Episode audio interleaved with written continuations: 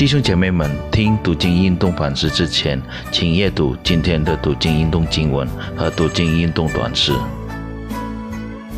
各位弟兄姐妹，大家平安。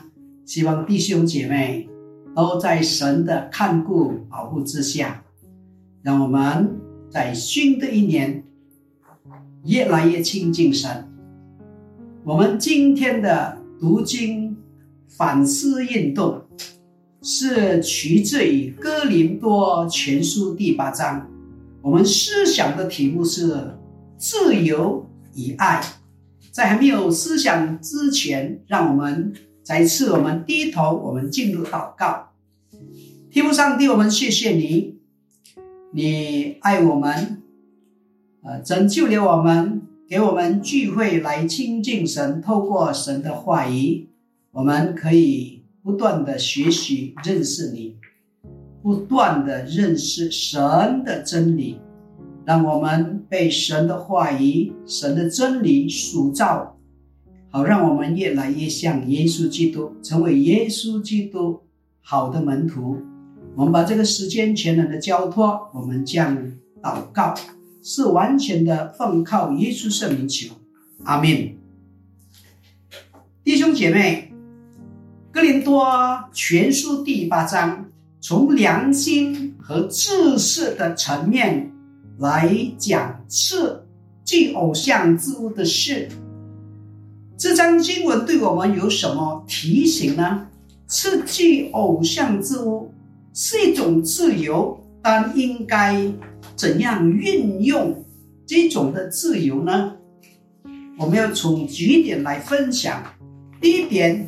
在爱心里运用自由，第一节到第八节，亲爱的弟兄姐妹，自由不是没有限制的，自由固然重要，但爱心更重要。我们为了爱，愿意限制自己的自由。在第一节告诉我们，论到祭偶像之物，我们晓得我们都有知识。但自私是叫人自高自大，唯有爱心能造就人。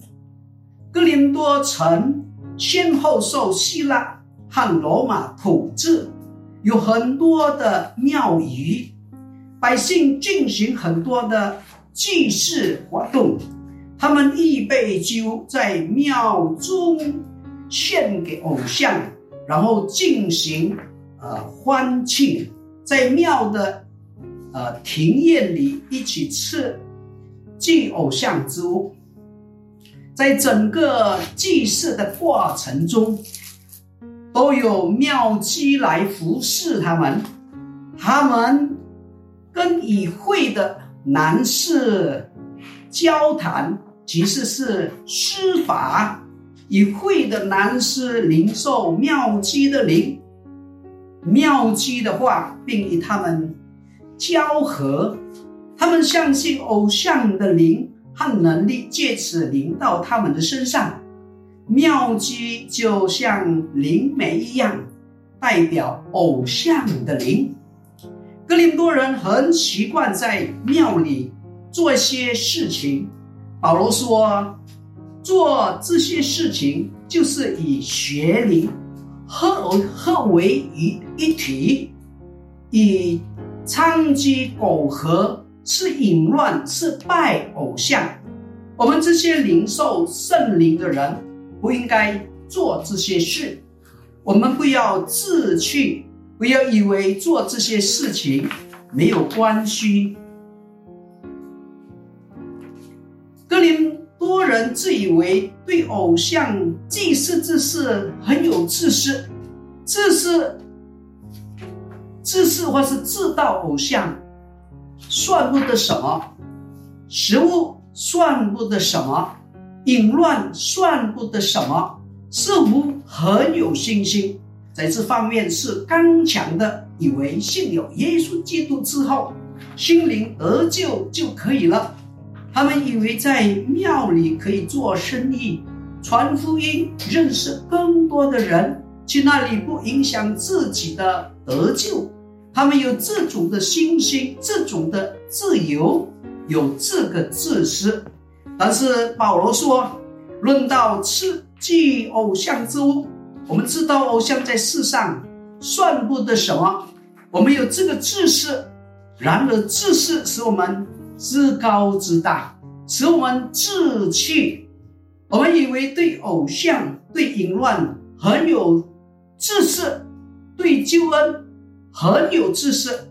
但保罗说，知识我们是有的，但只有只有爱心能造就人。我们运用我们的自由，运用知识的时候。有没有爱心呢？有没有考虑过别人呢？别人的感受？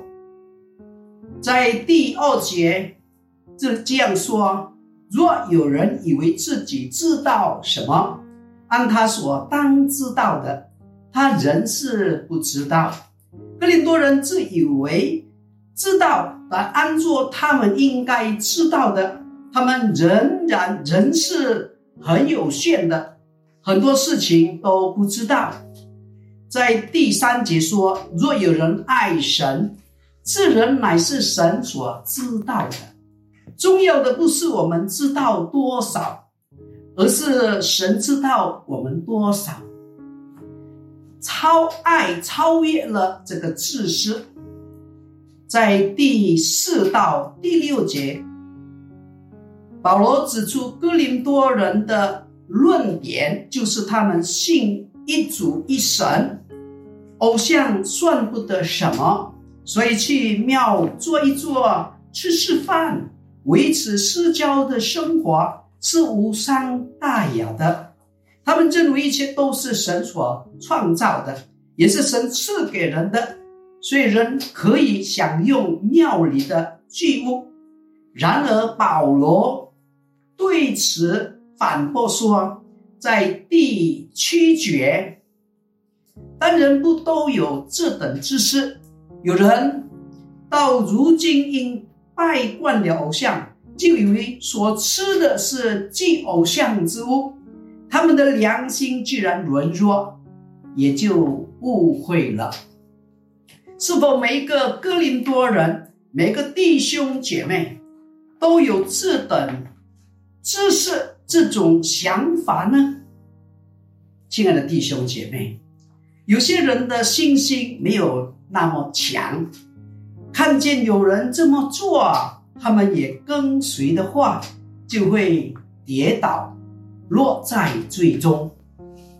他们以为吃祭偶像粥就是与偶像相交，就参与整个拜偶像的过程。就误会犯罪了。保罗说，在第八节，即使事物不能叫神看重我们，因为我们不吃也无损，吃也无益。对心性刚强的人来说，既然不吃也无损，吃也无益，那那么为什么不能放下自己？以免让弟兄姐妹误会沦落呢？我们看第二点，不要让自由成为别人的绊脚石。第九到十三节，只是你们要谨慎，恐怕你们这自由竟成了那软弱人的绊脚石。若有人见你自有自恃的，在偶像的庙里坐席，这人的良心若是软弱，岂不放胆去吃那祭偶像之物吗？因此，基督为他死的那软弱的弟兄，也就因你的自私沉沦了。别人没有这等知识而模仿有知识的人怎么做啊，就会因自私而沉沦。亲爱的弟兄姐妹，依照当时的文化，哥林多人很习惯到庙里，呃，吃饭，但是那里充满偶像，他们这么做很容易在论论理道德上跌倒。在这第八章，保罗从爱心、良心上讨论刺激偶像之物的事情，提醒我们要运用自由时要有爱心，不要呃叛倒人。亲爱的弟兄姐妹，今天我们如何运用我们的自由呢？我们知道偶像算不得什么，但是在清明节跟家人去扫墓的时候，应该烧香吗？可以吃祭啊拜祭之物吗？他们对我们来说算不得什么，我们有自由去做，但是保罗提醒我们。我们这么做的时候，如果判呃判倒别人，就不要做。在家中的弟兄姐妹面前，在子女面前，如果我们做引起他们的误会，以为信主的人可以拜偶像，可以吃祭物，我们就不要做了。我们要看到自由重要。爱心更重要，亲爱的弟兄姐妹，让我们成为一个基督徒。神赐给我们有很多的自由，可是不要忘记，爱心比我们的自由来的更重要。求神赐福我们，我们再次低头进入祷告。天父上帝，我们感谢你。当我们被拯救的时候，我们不再被罪恶捆绑，我们得到，呃，在基督里真正的自由。可是，你赐给我们自由，不是滥用自由，乃是我们在用自由的时候，我们有神的爱心来约束我们，要想到我们周遭的人，想到别人，让神的爱心。不断的浇灌在我们的身上，以至于我们用自由，我们也是呃用爱心来使用我们的自由，使我们可以成为别人的祝福，荣耀主的圣名。求主赐福带领祝福我们的生活。我们这样祷告是完全的奉靠耶稣圣名求，阿门。上帝赐福弟兄姐妹，再见。